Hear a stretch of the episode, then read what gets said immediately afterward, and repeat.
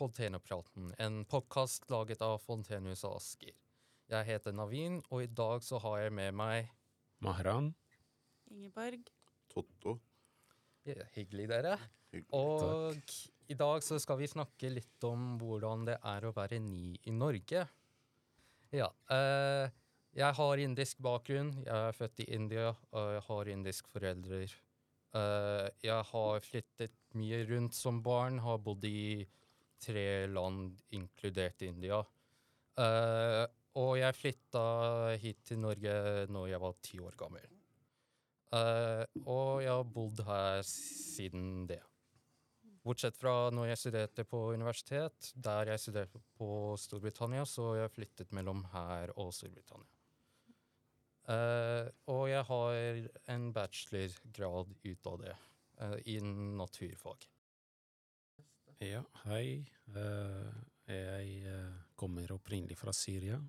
Jeg har bodd i Norge i snart 18 år. Jeg eh, fikk eh, godkjent min utdannelse i Norge i 2016, og, og jobbet eh, noen år eh, her i landet. Og ja, hatt eh, for en stund siden en eh, stygg sykkelulykke som gjorde at jeg eh, er ute av, av arbeidslivet nå, og nå er det heldigvis eh, bra igjen å prøve å, å komme inn på arbeidsmarkedet igjen. Mm. Jeg er Totto, og jeg har vært i bilbransjen siden 79. Det har vært både mekanisk og salg de siste 30 årene. Det er ikke den høyeste utdannelsen for å bli bilselger den gangen, 81. Da måtte du Ikke sant? Det var sånn det var. Og så ble jeg dårlig. Jeg kom til Fontenehuset første gang mars 2017. Og har eh, hatt veldig mye med dette huset å gjøre, og veldig glad for at jeg har funnet dette stedet. Det er veldig bra for meg. Jeg heter Ingeborg, og jeg eh, er etnisk norsk. Jeg har eh, bodd litt i New York og London, men kun kort periode. Eh, snakker relativt bra engelsk og er glad i norsk. Jeg har jobbet, studert journalistikk i Volda og jobbet en del i studentradio og også NRK Sør-Trøndelag. Og jeg har jobbet som tekstforfatter, men eh, nå er jeg 100 ufør eh, og har vært det en god stund. Ja. Takk dere at dere introduserte dere uh, sjøl. Og em, ja, jeg tror denne spørsmålet er egentlig rettet litt mot meg og Mahran. Men Mahran, husker du den første, i hvert fall første dagen eller første uken du flytta hit til Norge? Fordi jeg gjør det. Ja, det husker jeg. Hvordan var det? Det var opplevdes som å være i et eventyrland. Eh, noe helt eh, nytt for meg. Eh, mye system og struktur. Eh, eh, folk som ikke var eh, naturlig for meg å se, bortsett fra Hollywood-filmer. så, så det var en stor overgang, ja. Ja. ja, for meg, jeg flytta hit i november, og på det tidspunkt så var det skikkelig kaldt. Det husker jeg. Det var egentlig minus 20 eller et eller annet, og det var masse snø. Uh, jeg, hus jeg har vært i steder før hvor det har snødd så mye, men jeg var baby, så jeg husker ikke så mye. Jeg har aldri sett så mye snø før jeg husker. Så det var en ganske grei opplevelse. Og eh, det var litt eh, glatt på veien, og faren min og jeg sklir litt. Og for det ramla litt et et par ganger før, uh, i de første ukene. Dere hadde ikke førerkort fra India da? Og skulle prøve å kjøre på norsk føre? ja, det, ja. Hvilket år var dette? ja, eh, det var eh, 2010. 2010. Ja, så det var eh, skikkelig kaldt på det tidspunktet. Hvor varmt er det i India? Ja, når jeg tipper at det var rundt 30 grader eller noe sånt. Ja. Så å flytte fra 30 gra- pluss 30 til minus 20 er en ganske, gans, ganske stor hopp. 50 grader. Ja, nesten 50 grader. Eh, Kan du fortelle litt om India, eller?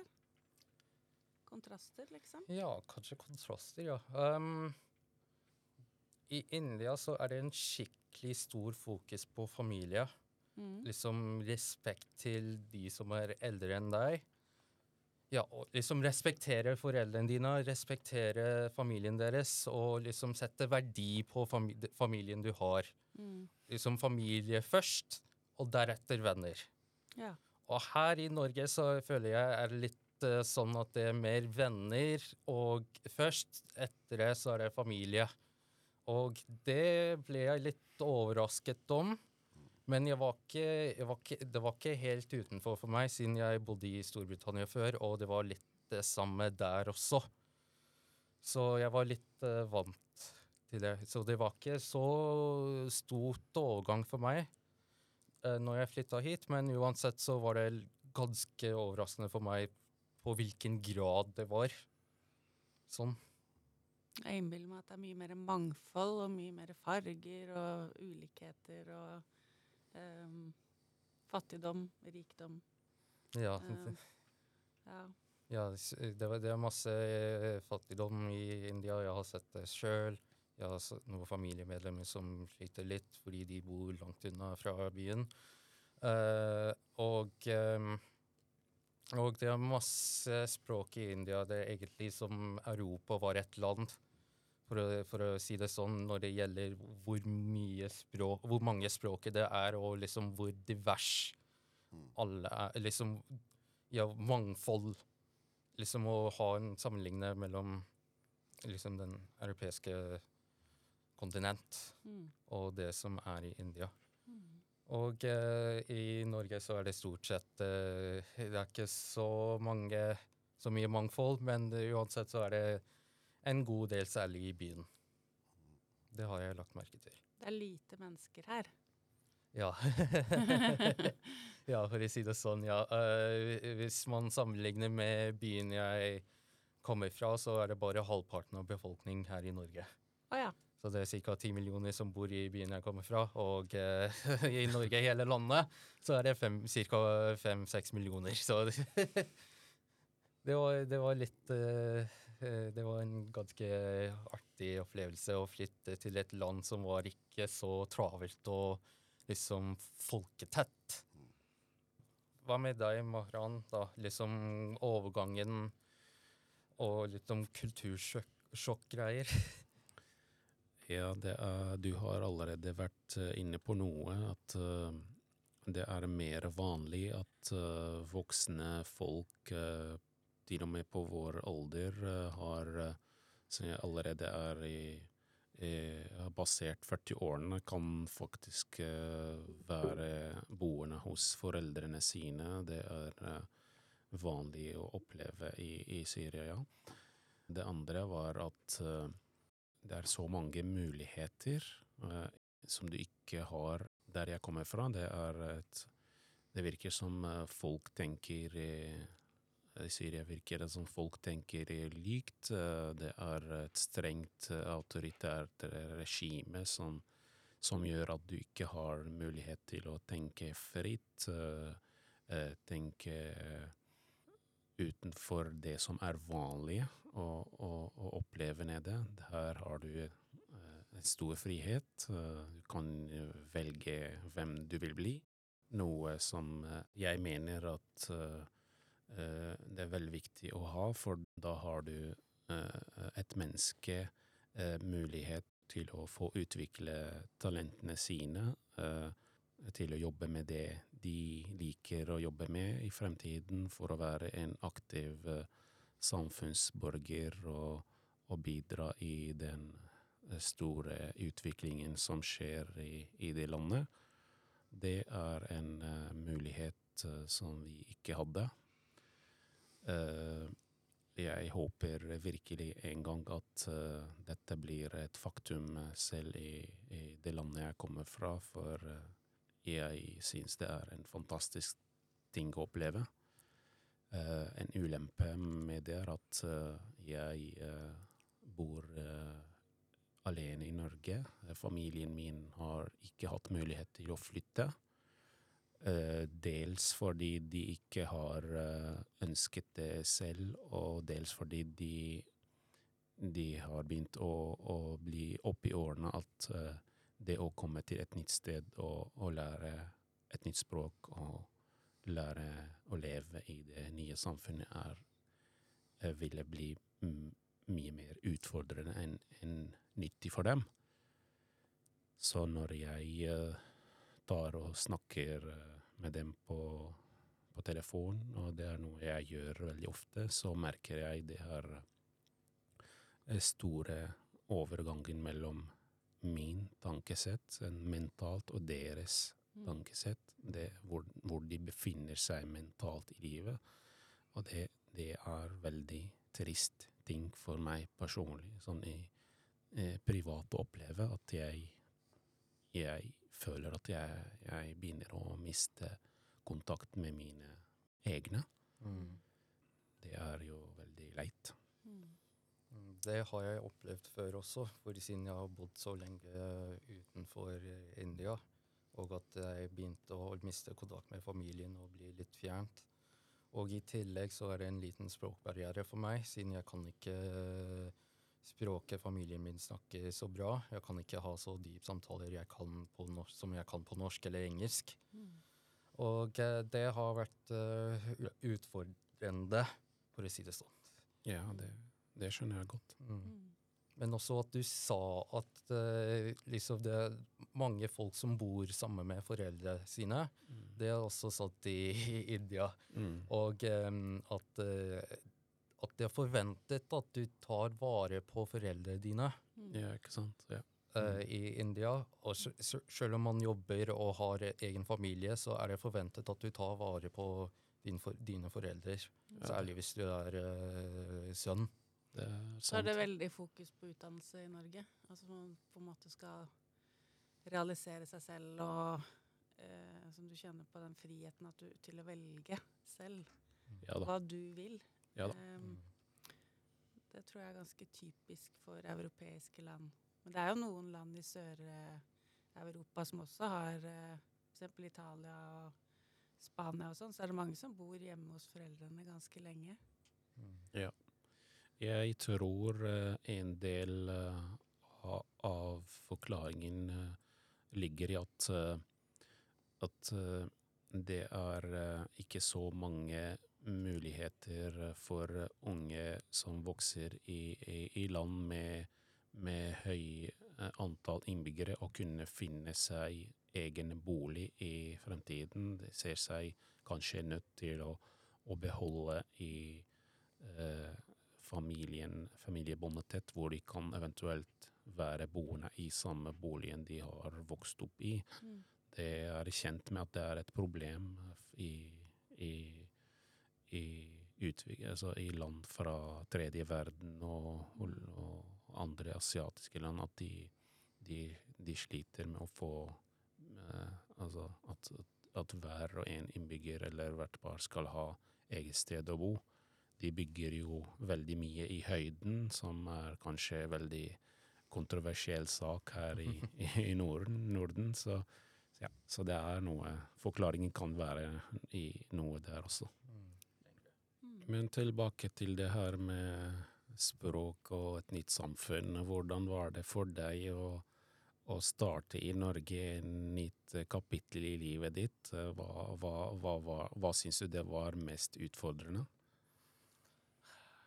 Jeg, jeg vet ikke, for å være helt ærlig, fordi jeg hadde flyttet mye rundt som barn, som jeg sa tidligere. Og jeg allerede had, har opplevd å liksom flytte fra, fra et helt annerledes Fra to helt Eller ja, mellom to helt forskjellige land. Og um, jeg opplevde ikke noe liksom store vanskeligheter knyttet til Norge. Nei. Hvis man sammenligner til det jeg opplevde når jeg bodde i Storbritannia, f.eks. Nei. Det, var det var egentlig det samme for meg. Mm. Men uh, hva med deg? Eh, nei, eh, så hvis jeg skal ta det fra begynnelsen, så var det, eh, var det Så var språket ikke noe problem. Jeg eh, fant jo fort ut at jeg eh, jeg har språkøre, at jeg kan lære eh, nye språk veldig fort. Noe jeg har erfart tidligere også da jeg bodde, begynte å lære spansk og, og bestemte meg å flytte til Spania. Så var det også fort at jeg lærte språket veldig fort. Så, så dette var ikke noe, noe problem for meg. Det som var eh, utfordringer, var at jeg eh, jeg hadde en uh, høy utdanning som uh, Norge trengtes, og, og det var ikke lett å få uh, godkjent. Eh, jeg måtte gjennom eh, så mye byråkrati og så mye kamp med systemet for å klare det, så jeg, brukte nesten ni år for å få det til. Eh, så heldigvis lyktes jeg med det. Eh, andre utfordringer var jo knyttet til det med å kunne eh, skaffe deg et eh, nettverk i et nytt land hvor du har bestemt deg å være og jobbe og kanskje ha en fremtid, var eh, lettere sagt enn gjort. Eh, jeg tror det er årsaken til det kan være at jeg eh, fant ut at det det er vanskelig å overleve i Norge. Du, du klarer ikke å altså både jobbe, studere og ha et uh, sosialt liv ved siden av. Det var det som var min opplevelse. Jeg opplevde at jeg måtte jobbe med noe helt annet enn det jeg var utdannet i, bare for å kunne overleve for å kunne ha råd til å leie og spise og så nok med det. Og så, så hadde jeg ikke faktisk eh, denne muligheten til å kunne ha noe annet ved siden av. Eh, eh, hvis jeg skulle sammenligne situasjonen min eh, med på det daværende tidspunkt eh, med hvordan jeg vokste opp i Syria, så var det at vi hadde en en gjeng på for eksempel på, på universitetet da vi studerte, så var vi en stor gjeng hvor vi hadde felles interesser, vi, livene våre var ganske like, så, så, så, så det var ikke noe vanskelig å, å, henge, å henge opp sammen. Altså, vi, har alltid, vi har alltid hatt samlinger, vi kunne reise på turer sammen. Og, uh, så, det var alltid eh, noen som du kunne snakke med når du er i et nytt land, og så begynner du et sted hvor du er allerede har identitet fra din bakgrunn, men samtidig kan du ikke bruke den identiteten i, i et nytt samfunn fordi det krever en del prosess for å få det til. Så, så, så, var det en, periode hvor var, jeg var mye eh, altså, alene, for å si det slik. Altså, jeg måtte klare meg. Eh, jeg måtte jobbe, lære språk, eh, løpe fra et sted til et annet og hjem og, og ordne mat. Altså, livet, livet mitt er blitt noe helt annet enn det jeg var vant til. Og det, det kan fort bli veldig, veldig ensomt, og, og har, man har tendens til å, til å isolere seg, rett og slett. Det, det er noe syns det, det er veldig tøft å oppleve, faktisk, i Norge. Ja. Men du nevnte eh, noe om å liksom skape et nytt eh, nettverk her i Norge. Fordi for det er man trenger å kunne språket. Riktig. Men jeg lurer med dere som kan norsk eh, som morsmål, hvordan er det å kommunisere med folk som kan ikke norsk så mye, og dere har ikke et felles språk som engelsk, hvor- Hvordan er det å kommunisere med dem? Hva, slags tips har du til folk? Jeg har jobbet eh, på språkkafé en del. Eh, der er det jo alle mulige kulturer og språk. Og jeg opplever at motivasjonen er veldig forskjellig fra, altså fra de som har utdannelse og vil ut i jobb, eller de som på en måte kommer og kanskje er analfabeter og ikke kan skrive engang, og som går på Folkeuniversitetet og lærer seg norsk. Eh, det er en veldig fin opplevelse, da, for det er så viktig for alle å kunne språket. Og det å kunne hjelpe folk i forhold til det er jo veldig viktig. Sånn som meg, så er det Jeg kjenner altså Det du sier om vennskap og sosiale nettverk, det er eh, Jeg har vært i norske miljøer hele tiden. Og kanskje Jeg vet ikke helt hvorfor det ikke har vært flere utlendinger, men jeg har på en måte ikke blitt kjent med så mange som kommer fra andre land. Uh, og jeg tror det er vanskelig å bli kjent med nordmenn, for de er på en måte litt klikkete. Og uh, mange har høyere utdannelse og møter folk, vennene sine, enten på videregående eller på universitetet eller uh, andre sammensetninger. Og det å bli inkludert er, tar litt tid, da. Mm. Så du finner du, du, du, Det du sier, at det er vanskelig for, for deg som, som norsk også? det å kunne Altså Det har liksom ikke vært naturlig. Jeg har på en måte I mitt miljø har det vært lite utlendinger.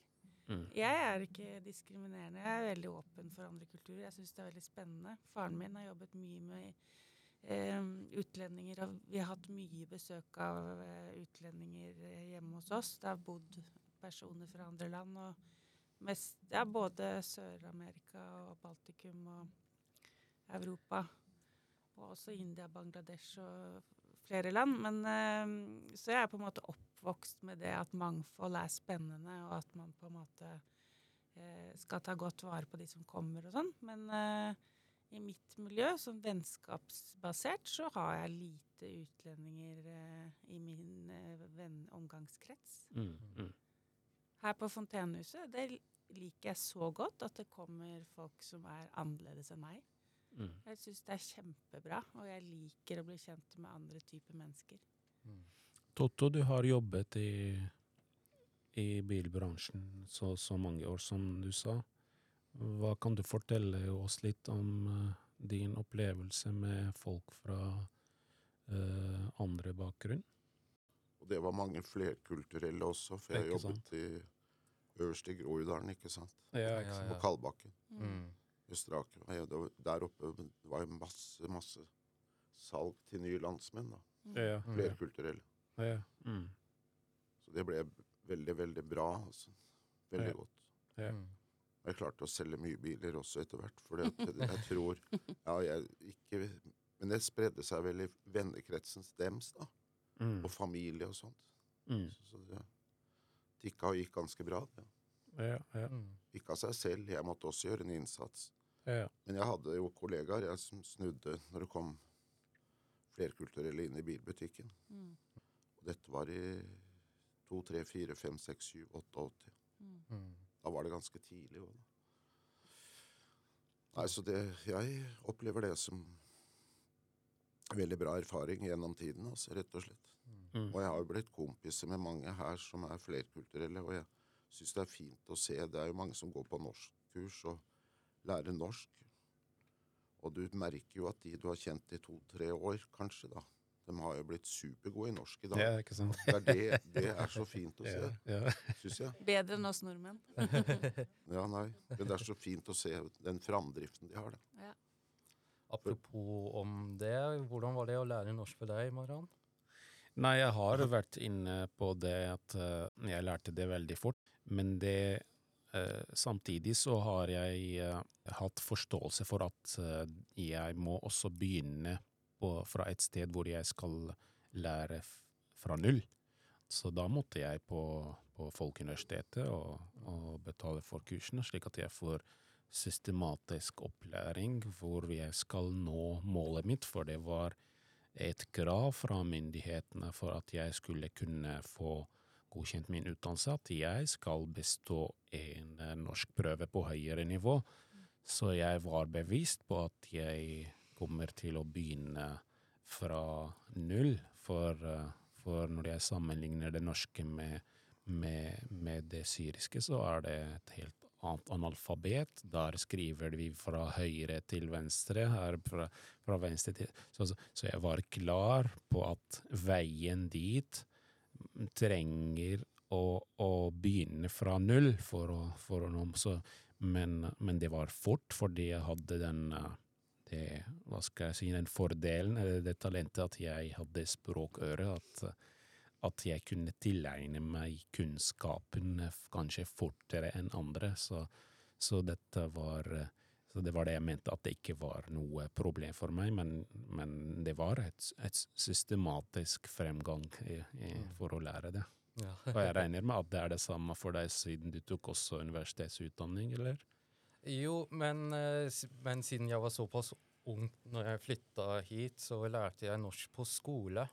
Ja, Og jeg fikk muligheten til å lære norsk der. Og der var det ganske Det var veldig systematisk, Ja, som du sa. Ja. Og egentlig så syns jeg at det, det trengs hvis man skal lære et helt nytt språk. Riktig, jeg er helt enig. Og um, det var helt systematisk det, det er fint opptrapping og alt. Det var ikke helt absurd, for Nei. å si det sånn. Nei. Det var liksom grei overgang. Og um, det var en ganske grei opplevelse for meg. Mm. Du var ung, da. Ja, jeg var ung. Mm. og det kanskje hjelp, hjulpet litt også. Mm. Fordi Mm. at uh, hvis du ser en uh, liksom 10-11 år gammel gutt som kan ikke norsk så bra, men prøver å snakke, du, du forstår at ja, han kommer til å klare seg etter, etter hvert. Mm, mm. Og du, du tilpasser deg til, sånn, at han, eh, sånn at vedkommende kan forstå hva du sier. Mm, mm, Og eh, det har jeg opplevd. mm, Og det syns jeg er eh, veldig Det var veldig ålreit. mm, Sånn at jeg kunne få den selvtilliten på norsk. Og være Liksom ha den selvfølelse at jeg kan godt norsk, og liksom jeg, fo- når jeg snakker norsk, folk forstår det jeg sier, og folk eh, kan snakke med meg. Mm.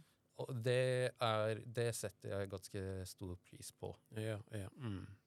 Det er også å, å lære språket fra Gjennom å gå på kurs er én ting, men det du oppdager etter at du er ferdig med denne biten der, er at, at språket har også mange dimensjoner, og så må du begynne å lære dybden i det for å kunne forstå kanskje eh, enda dypere samtaler i, i forbindelse med sosiale aktiviteter i arbeidslivet. Og da fant jeg ut at når jeg var ferdig, at jeg, jeg må tvinge meg ut i arbeidslivet uansett jobb, bare for at jeg skal ha denne tette eksponeringen for det som er dagligdags eh, språk, utvekslinger mellom mennesker, og det, og, og det har gitt meg enda mer eh, eh, inns, altså, jeg begynte å se språket fra andre sider, og så etter hvert så, så begynte jeg å, å se på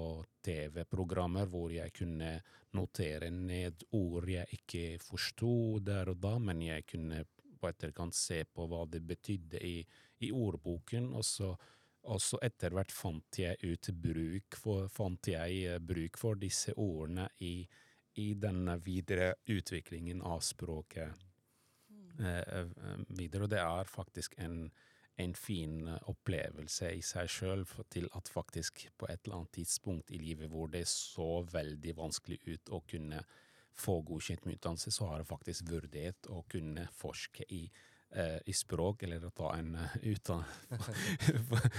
universitetsutdanning innen språk og forskning på språk. Så, så det var en tanke jeg hadde denne gangen også. Så bra. Ja. Men eh, norsk kultur, hva er det? Ja. Norsk kultur. Nei, Ja, det er nesten du som, uh, som har vokst opp her, så må du kanskje prøve å, å, Ja. prøve å definere det på veldig korte ord, da, eller? Ja. Jeg tenker 17. mai. Ja, ok. Det med bunader og på en måte nasjonaldag og nasjonalfølelse og sånn. At vi er et demokrati, og at vi er et uh, selvstendig land og har Mm. vært det ganske mange år. Og at Mm. det ikke har vært krig her på, på mange år også. Og Mm. mye den derre individualiteten. Men ehm, eh, jeg tenker hyttetur. Natur. Ja. eh, hyttetur er veldig viktig. det å være på hyttetur. Eh, nei, altså Og så Eh, gå på ski. Gå på ski, ja. Men det, landet vårt er jo veldig sånn sesongpreget, da. Ja. Så vi har en nydelig sommer i Norge, og vi har eh, flotte steder å reise til. Det er ganske sånn ulik natur her. Vi har fjell og fjorder, og vi har liksom Her i Oslofjorden så har vi på en måte storby, men du kan også bade i fjorden ved storbyen, liksom. Mm. Eh, det er eh, ganske rent og, rent og vakkert, føler jeg. Mm. Og Det er eh, Det er jo ganske sånn ryddig, da, med resirkulering og ganske lite forurensning og Ja, at det finnes struktur og system på Ja, ting, og at det ja. finnes jo nesten fagfolk for all mulig rart. Ja. Så, Det, det, det, det, Og mygg og At at det er en fungerende system. Et og det, funger- ja. det, det, det, det er et, uh, re, et, uh, et stat man kan stole på Ja, og liksom og ty til hvis man ja, Trenger er hjelp. sant. Ja, det er sant. Det, det er ikke sånt i India. Selv om, selv om det er demokrati og, eh, og eh, det er mange liksom, det, Mye mangfold. ja, det er sant. Det er sant. Det er ikke en, det, Folk stoler ikke på regjeringer.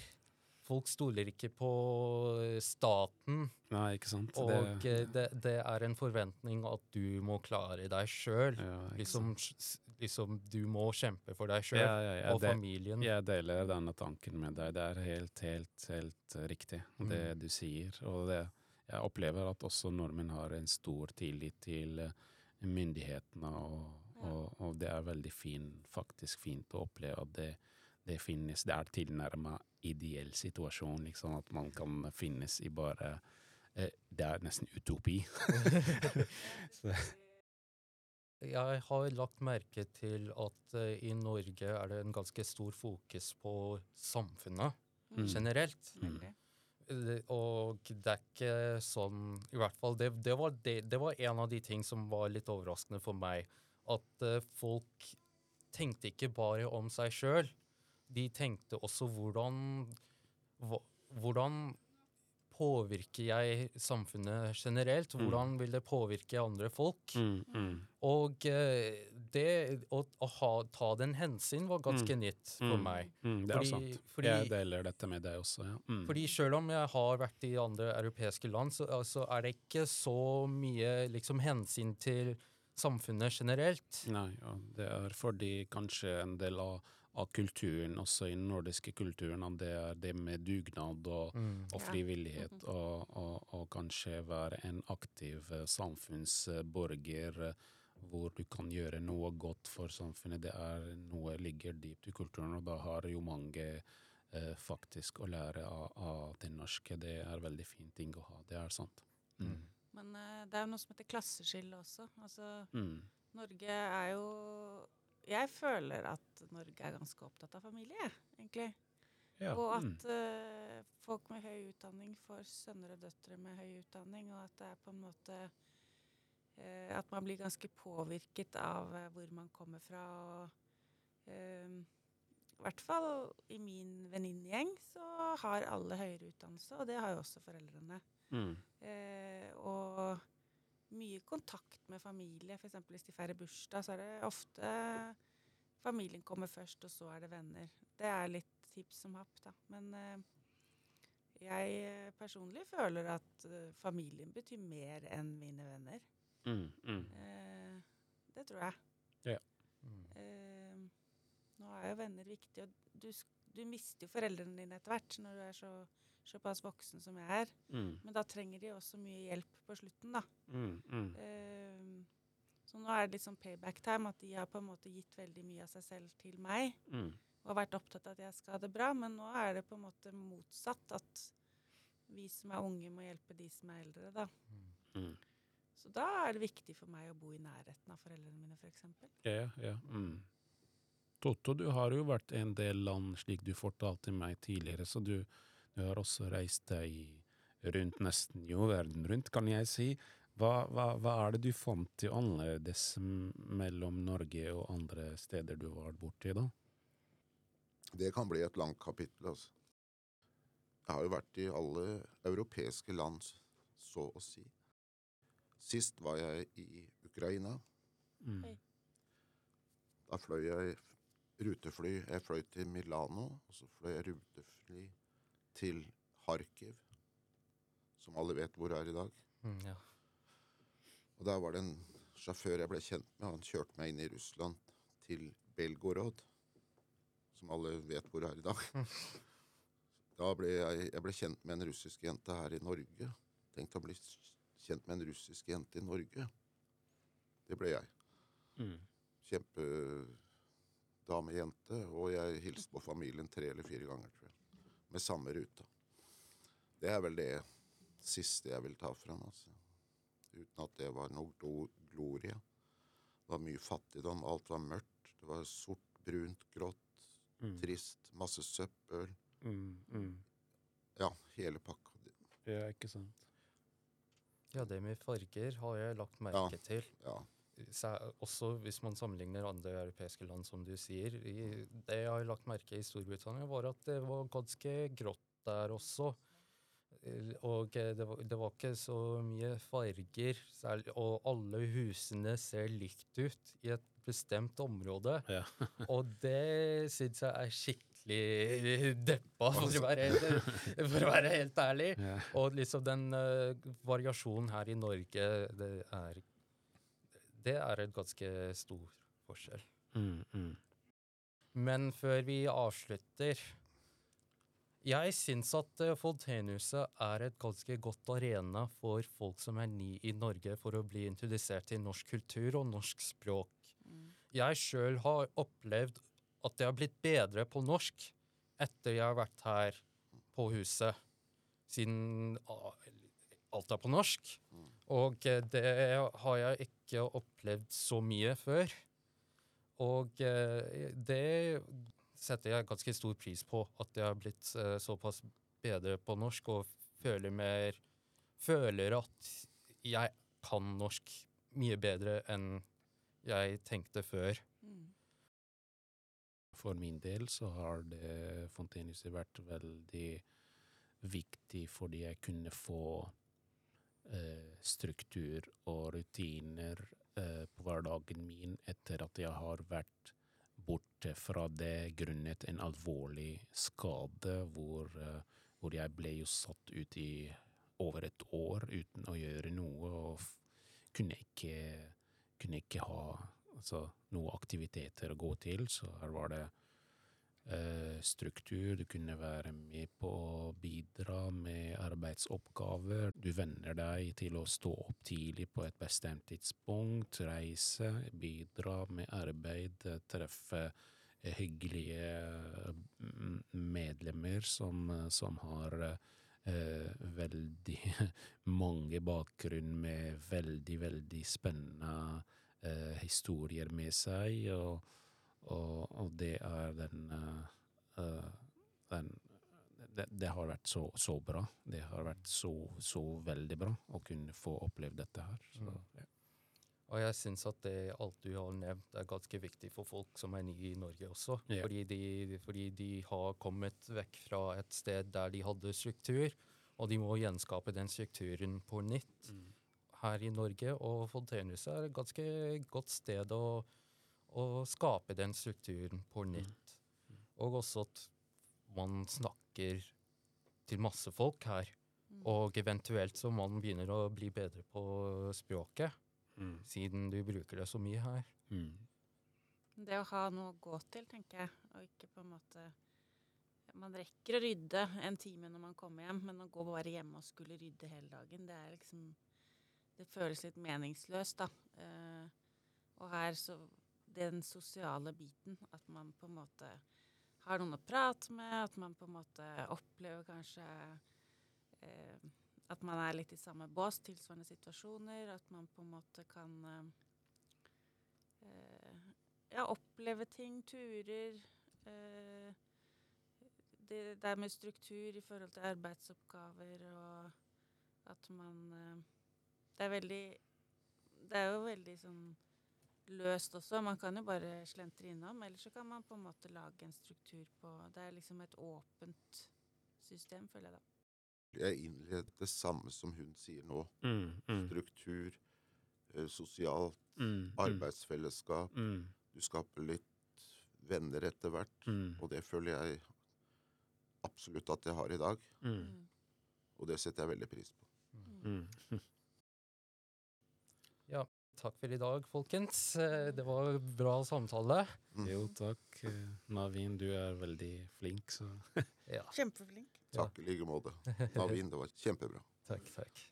Greit. Ha det Greit. bra. Ha Ha det bra, alle Ha tre. det. Ha det. Takk for at du hørte på Fontenepraten. Denne podkasten er laget av Innovasjon- og administrasjonsenheten på Fontenehuset Asker. Episoden ble produsert av Gustav, Navin, Mahran, Totto og Ingeborg. Episoden blir redigert av Gustav, Susanne, Navin, Mahran, Iselin, Rikard, Bendik, Helene, Mona og Lauritz. Redaktør er Stine Lien, og musikken er laget av Handyman. Vi ønsker også å takke Vinci Foundation, som har bidratt med midler.